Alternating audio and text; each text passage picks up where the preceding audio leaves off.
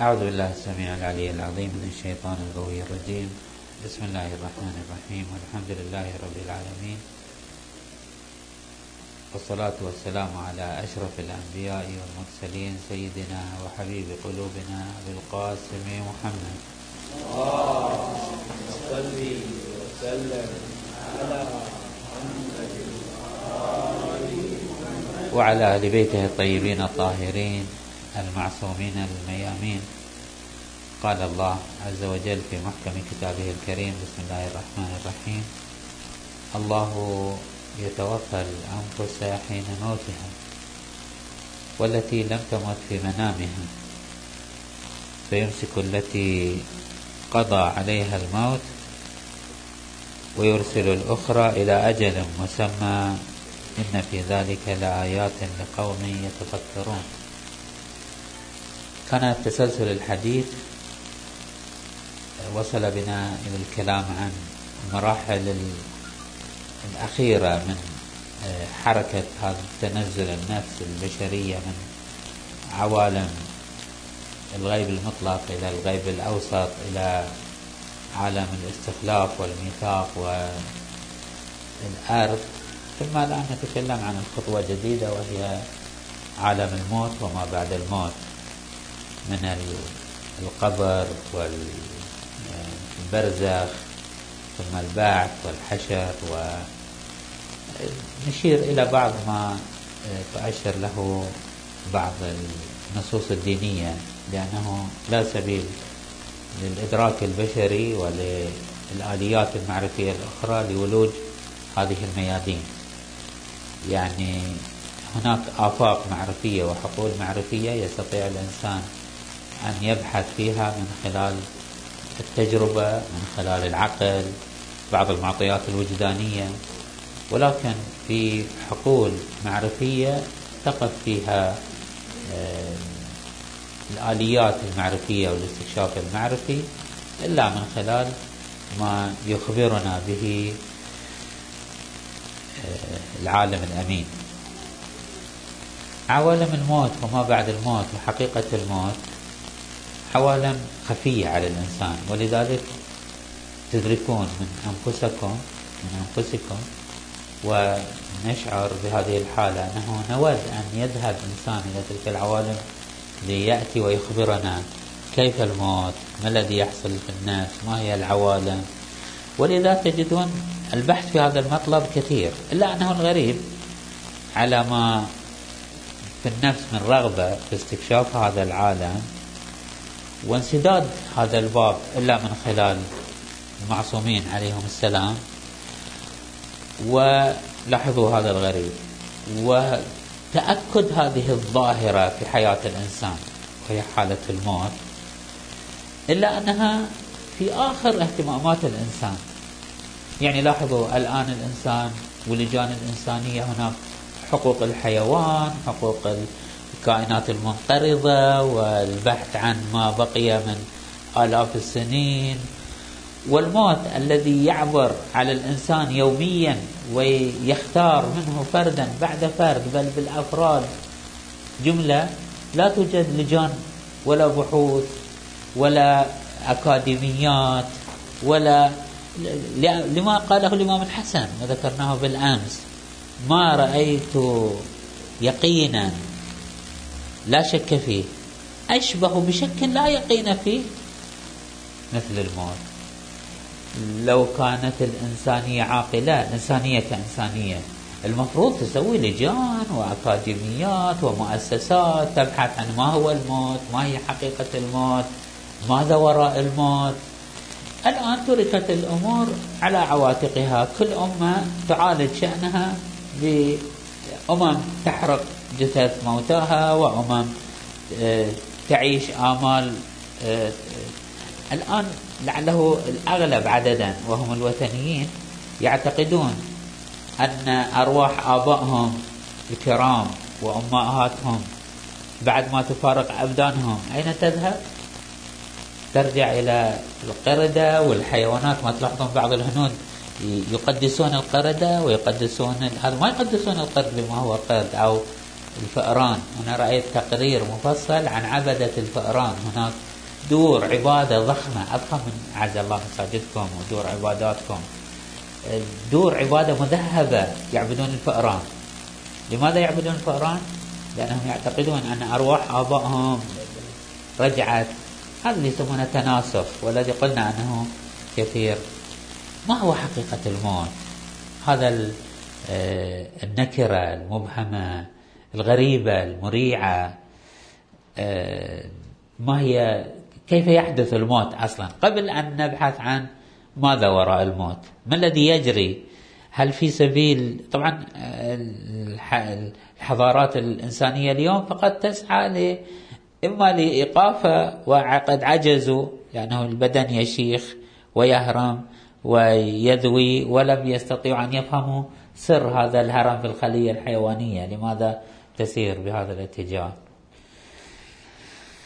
للدخول في الحديث عن حقيقة الموت على أنه في هناك روايات بعض الأشخاص يسألون الأئمة عن آه، حقيقة الموت عن بعض آه، الإشارات النصوص القرآنية في الموت. فالإمام عليه السلام يضع دائرة محدودة في الكلام عن هذا. يعني حسب تعبير الإمام عليه السلام أنه ليس كل العلم يستطيع صاحب العلم أن يفسره لكل الناس. لأن فيهم القوي والضعيف ولأن فيه ما يطاق حمله وما لا يطاق. يعني أنتم آه، تختلفون في القدرات. طبعا القدرات ليست فقط القدرات الذهنية في قدرات النفوس والاستيعاب هذه الحقائق والعيش مع منطق المجردات والبعد عن عالم المادة لأن ذاك عالم الروح. هذا جهة أنتم تختلفون. والمعارف الغيبية تختلف في جلائها ووضوحها وعمقها. فكيف أنزل كل هذه المعارف في كل هذه آه، الأواني الضيقة؟ هناك محدودية في الإناء وهناك تفاوت في العلوم. إذا حقيقة الموت وكونها محل تساؤل ويحتاج إلى تلمس بعض آفاقه. الموت هو واضح أنه حالة طارئة على هذا الكائن الحي. نباتا كان حيوان كلهم يتعرضون للموت آه، أو إنسان. ولعله يتوسع إلى وإن كان بعض الروايات آه، لا يتضح فيها أن الملائكة مثلا تموت أو أنها تنتهي.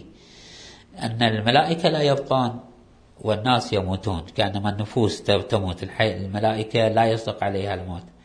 هذه الآية القرآنية التي شرعنا فيها تشير إلى بعض الأمور. ولكن قبل ذلك لنلاحظ أن التصور السائد للموت أنه الشيخوخة في البدن الحالة العامة. هناك أطفال ورضع وشباب يموتون. كلامنا عن الحركة العامة للإنسان للكائن الحي أنه بدن ينطوي على روح وأنه هذا البدن يشيخ ويهرم وتذوي قواه فتتفكك مسكته وتماسكة فتتفلت منه الروح. الآن ما هي الروح؟ هذا أيضا كلام مفصل وهناك أكثر من مئة قول في حقيقة النفس النفس الحية. أنها ليست إلا أصلا لا يوجد شيء وراء هذا البدن. هذا فكرة مطروح أنه هذا البدن هو عبارة عن مجموعة أعضاء متجانسة بنحو معين بحيث تتخلق منها هذه الكفاءات من الكلام والحديث والحركة. يعني بتعبير أنا عادة أشبه هذا المعنى مثل الأجهزة الحديثة التي تتصرف تتحرك. بمثال واضح اليوم نقوله مثل طيارة بلا طيار.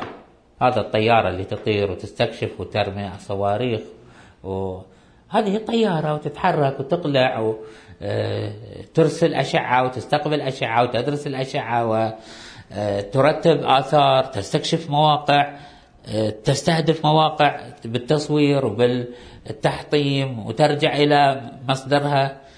هل الإنسان من هذا القبيل؟ أنه كائن مبرمج بحيث يتصرف. طبعا هناك آه، مدارس فلسفية مبتنية على هذا الأساس. لعل منها مثلا. حتى في عصورنا الحديثة هناك من يتبنى هكذا تصور أن الإنسان ليس فقط في حركته لعله اليوم هذا الأجهزة شو يسمونهم؟ الأجهزة مثل الهيئة البشرية وتتحرك أيضا. ريموتات؟ ريبوت؟ هذا أيضا شبيه بالإنسان يتحرك ويقوم لكن ما فيه آه، آه، مثلا مشاعر ولا أحاسيس ولا آه، خيال ولا صحيح؟ وإنما مبرمج. يقول بالطريقة التي برمج فيها ويتحرك بالطريقة التي برمج فيها. الإنسان أكثر تعقيد. الشيوعيين كانوا يعتقدون أن الإنسان هو هذا الكائن مادي صرف. لا يوجد وراء هذه المادة شيء. وأنه حتى أفكاره ومشاعره وأحاسيسه هي عبارة عن هذه التفاعلات التي تحدثها آه، بناءاته البدنية. لطيف الشيخ الصدر الله تعالى عليه عندما يناقش هؤلاء وهم يقولون أنه مثلا أنا لماذا أحس اليوم بأنس؟ لماذا أحس اليوم باكتئاب؟ لماذا أنا أفكر بشكل؟ يقولون هذه الأفكار وهذه الأحاسيس أيضا مادية. اليوم اللطيف عرفوا في الدماغ أين الخلايا التي تؤثر في اللغة. اللغة الأم لها خلايا واللغة الجديدة لها خلايا أخرى. كلها أشياء مادية. أحاسيسك مشاعرك فكرك كلها عالم مادي. هذا العالم المادي يغذيه هذا الطعام الذي تأكله ويتفاعل ويطبخ في بدنك فترسل منه موجات كهربائية إلى الدماغ إلى القلب. يحرك القلب بطريقة يحرك المعدة بطريقة.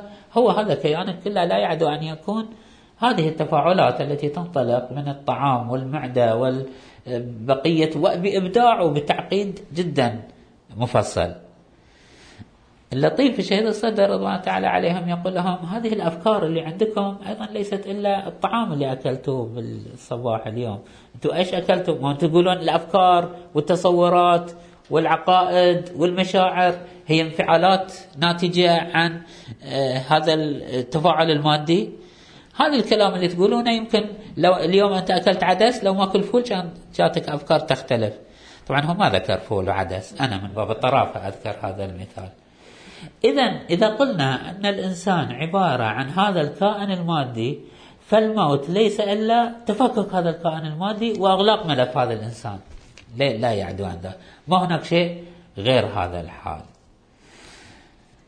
هناك أطروحة أخرى تقول أن الموت هو عبارة عن آه، خلل في البدن وضعف في تماسك البدن. هذا الخلل هو الذي يؤدي إلى تفلت النفس. ولعله هو ذا الفكرة السائدة أن البدن يصاب بأمراض أو يصاب بشيخوخة أو يصاب بعطب مفاجئ مثل الحوادث والقتل والانتحار وما شكل ذلك. يعني سواء بعطب مثل الانتحار والقتل والسكين متوجر في في قلب الإنسان أو ما شكل ذلك فيحصل تلف في البدن. أو شيخوخة أو مرض بالنتيجة هناك خلل بدني. هذا الخلل البدني يؤدي إلى البدن غير قادر على الإمساك بالنفس بناء على النفس لها وجود مستقل. خلاف الرأي السائد السابق ثم هذا البدن يضعف عن أن يمسك البدن فتخرج النفس عن يخرج قدرة البدن عن تدبير النفس والأمساك بها فيحصل الموت. هناك رأي أشرنا إليه في الليالي السابقة إشارات سريعة ويقول كلام عكسي تماما. يقول الموت ليس هو خلل في البدن وترهل وضعف في مسكته. بل هو حالة وهذا يتبناه ملا صدره وهو أنه الموت هو حالة نفسية حالة روحية. الروح هي تسير بحالة من التكامل. هذا أشرنا سابقا إلى أن الروح النفس البشرية مادية الحدوث. كانت في البداية جزء من المادة. ثم وبفاعلية من هذا البدن تتولد بداية الروح ثم تنمو تنمو هذه الروح حتى تصبح من كانت نباتية تصبح حيوانية ثم تنمو تصبح إنسانية ثم تتكامل وتستوعب أفكار ومعاقائد سميناها روح إيمانية ثم لعله تصل تتصعد. هذا التصعد في الروح هو الذي يجعلها والبدن ليس هو محيط بالروح بل بالعكس. الروح هي التي بعد أن كانت جزء من الآن أصبحت الروح مستقلة ذاتا وتحتاج للبدن في فاعليتها يقولون الروح في بدايتها مادة ذاتا حدوثا هي مادية ذاتا وفعلا. يعني في ذاتها في حقيقتها مثل طيارة بلا طيار. عندما كنا حويمنات عندما كنا بداية تشكيلاتنا المادية لو أن هذا الحويمن مات ما وراه شيء. ثم تنمو النفس تصبح لها وجود مستقل ولكنها لا تزال جذورها موجودة في البدن.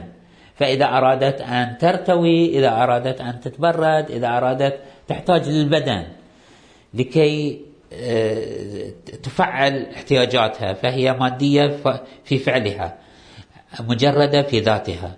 ثم تصل في مراتب من كمالها أنها تصبح مجردة وتستحمل البدن أحيانا. ولكنها تشعر بثقل البدن أكثر مما وهذا يسمونه العرفانيين يسمونه في بعض الموارد بالموت الإرادي. يقولون النفس تشعر بأن البدن ثقيل عندها فتريد أن تغادره فتعف عنه. وهذا قد يحصل قد يحصل حتى في بعض مراتب الإيمان. الإنسان في بعض سمعنا بقصة أمير المؤمنين عليه أفضل الصلاة والسلام أنه عندما يصاب بسهام في المعركة ويشق عليهم ويشق عليه عليه افضل الصلاة والسلام. إزالة هذا السهم كيف يصنع؟ إذا ترك ويصلي يغادر كأنما في صلاته بعد ما يرجع إلى الروح يغادر البدن. روحه تغادر البدن. هنا الآن أنت وشأنك في هذا البدن. تسوي له عمليات جراحية تنزع السهم روحه ما عادت تدبر البدن. نحو من الانحاء المغادرة الاختيارية. يسمونها موت اختياري. آه هذه الحالة قد تتحقق في الإنسان السوي العادي الطبيعي في حالة النوم. بل بعض الروايات هكذا تقول أنه النوم هو آه، تصعد النفس. هكذا تميز بين النفس والروح. الحين بعض الروايات ما أدري لماذا تميز بين. أنه النفس آه، والتي لم تمت في منامها يعني آه، الله يتوفى الأنفس يتوفاها يعني النفس يتوفاها يعني يأخذها اخذا وافيا تاما. استوفيت مالي منك يعني أخذت مالي بتمامه ووفائه يتوفاها يعني يأخذ الأنفس بتمام الأخذ. يتوفى الأنفس حين موتها حين حين الموت الله يأخذ النفس. الذي يموت في الحقيقة هو البدن والذي يقبض ويتوفى هو النفس. هذا النفس التي تموت وكذلك النفس التي تنام والتي لم تمت في منامها يعني الله يتوفاها. يعني الله يتوفى الأنفس من الأموات ومن الأحياء النائمين يتوفاهم. ثم بعد أن يتوفاهم ولذلك تجد أن النائم لا يستطيع هو يستيقظ لنفسه. يعني إذا نمت كيف ترجع؟ لازم شيء يؤثر في بدنك. لذلك تحط جرس آه، يجلسك أو تطلب من واحد يوقظك. وإلا لو تركته على ما أنت عليه لبقيت كأهل الكهف. بل على أطول. خلاص ما تستطيع أن ترجع. ليس عمرك آه، استوفيت ذاتك. والتي لم تمت يعني ما جاء حين وقتها يرسل يستنف يستوفي الأنفس حين موتها حين نومها أيضا. والتي لم يحن حينها يرسلها ويرسل الأخرى يعني يتركها ترجع إلى البدن. ثم أنه هذه عملية الاستيفاء. في الآيات القرآنية لا بصل على محمد وآل محمد. اللهم صل وسلم على محمد عليكم السلام ورحمة الله عليكم السلام عليه اللهم صل وسلم على محمد وآل محمد.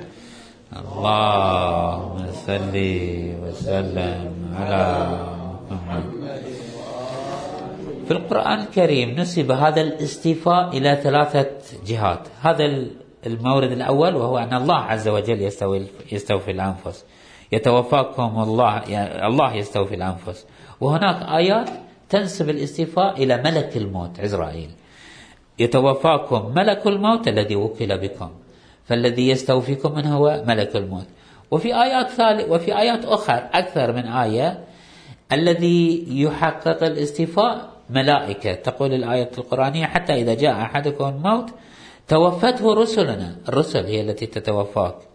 أو توفته رسلنا وهم لا يفرطون. أو قول عز وجل الذين يتوفاهم الملائكة ظالمي أنفسهم. أو الذين تتوفاهم الملائكة طيبين يقولون سلام عليكم. هذه التفاوتات بين أن الله الذي يتوفى الأنفس أو ملك الموت أو الملائكة هذا سمعتم به قطعا. هذا آه، سنة قرآنية في أن الله عز وجل يبرز الأحداث بأشكال مختلفة حسب العناية الإلهية. يعني أنه كل ما يجري في هذا الكون تقوم به الملائكة. وكل ما تقوم به الملائكة في الحقيقة يقوم به الملك المختص وكل ما يقوم به الملك المختص هو تدبير رباني. يعني أن اليد الإلهية تجري عن طريق الملك عن طريق الملائكة. وأيضا تتفاوت هذه الاستيفاءات حسب العناية الإلهية بالميت. بعض الأموات تأخذهم صغار الملائكة. بعض بعض الأنفس تأخذها الملائكة المتوسطة بعضهم عزرائيل هو يباشر أخذ روحه وهذا من لا يعني لا تستوحشون من أن عزرائيل تأخذ أرواحكم هذا الخواص اللي عزرائيل يأتي ولا يرسل له آه، سيارة تطحنة وتطلع روحه. أطال الله عمرنا وعمركم هذا الاستيفاء هو نعم فإذا قلنا أن هناك أكثر من معالجة لطبيعة خروج الروح. هل هو آه، أصلا لا يوجد شيء اسمه خروج روح وأنما تلف في البدن لا يوجد وراء البدن شيء؟ أو أن هناك خروج للروح ولكن بسبب ضعف في البدن؟ أو أن هناك خروج للروح ولكن بسبب آه، نعم اكتفاء النفس اكتفاء الروح عن أن تدبر البدن. هي التي تعف هي التي تترقى وتتكامل عن أن تدبر البدن فتترك هذا البدن بناء على نظرية عندهم من أن البدن هو تجلي وظهور للنفس. يعني البدن هو لباس النفس. النفس هي التي تضع البدن عليها. فبعد أن تتكامل وتشعر أنها أسمى وأشرف من هذا الطين الثقيل تتركه وتكتفي ببدن يسمى برد برزخي بدن آخر أرق ألطف بعوالمها. فهذا يدخلها في عالم البرزخ. يبقى أنه فقط نشير إلى ما يعني تشير إليه بعض المعاني من أنه هذه الأنفس التي يستوفيها الله إذا لم يحن حينها فإنها تتصعد إلى عالم الملكوت فما ترى هناك في روايات أنه آه، سئل أمير المؤمنين عليه السلام عن الفرق بين الرؤى الصادقة والرؤى الكاذبة فقال هذه تفيد في هذا المطلب. وهو أنه الرؤى الصادقة هي التي تراها الأنفس وهي في عالم الملكوت. ولذلك الروايات والفتاوى أيضا تقول أنه يكره النوم على جنابة يستحب النوم على وضوء لأنه في حال النوم الأنفس تذهب إلى عالم الملكوت. في تلك العوالم يفترض أن تكون نفسك طاهرة نقية لكي ترى الأمور وتتعامل مع الحقائق. وإلا ما تراه وهي في حالة الهبوط حيث تمر في عالم الملك فإنها تدخل في عالم الملوثات وعالم فما تراه هناك فهو ليس إلا من الشياطين ومن تتلقفه النفس من حيث ما شاءت فهذه رؤى كاذبة لا تدل على شيء. طبعا حقيقة الموت وجوهرة مثل ما ذكرت لكم كما يقول الإمام الصادق عليه السلام عندما سأله ذلك السائل عن حقيقة الموت وقال له ليس كل العلم يستطيع صاحب العلم أن يفسره. ما أستطيع أبين لك كل هذه الحقائق. لا يستطيع العالم عليه السلام أن يفسره لكل الناس لأن فيهم الضعف القوي والضعيف ولأن منه يعني من هذه العلوم ما يطاق حمله وما لا يطاق. فلنكتفي بهذا المقدار الإجمالي لأنه إذا لم نعرف حقيقة الموت لكننا قطعا نجزم بأنه سوف نعبره وسوف نذوقه وسوف نتطعمه وسوف نعبره. سواء شككنا فيه أو شك فينا أحببناه أو كرهناه بعض البيوتات إذا يموت عندهم ميت إيه، حتى ملابس الميت يرمونها عشان لا يتذكرون الموت ولا يبقى رابط بينهم وبين الموت. ولكن كما تقول بعض الروايات أن ملائكة الموت تستعرض اسمك أنت بالفرد خمس مرات الآن في اليوم في الأسبوع ولكن بالنتيجة أنت اسمك وارد. أعاننا الله وإياكم على سكرات الموت وأهوال الموت وما بعد الموت. المهم في هذا الموضوع هو أن نتهيأ ونستعد لهذه المراحل القادمة والحمد لله رب العالمين. وما هذا ما سوف نتحدث عنه إن شاء الله في الأيام القادمة. من أنه المهم هو أنه ماذا بعد الموت؟ ولو لم يكن إلا الموت لكفى. كيف فما بعد الموت؟ أعظم وأدهى. عظنا الله وإياكم وعننا على ما يلي بعد الموت الحمد لله رب العالمين وصلى الله على محمد وآل بيته الطيبين الطاهرين.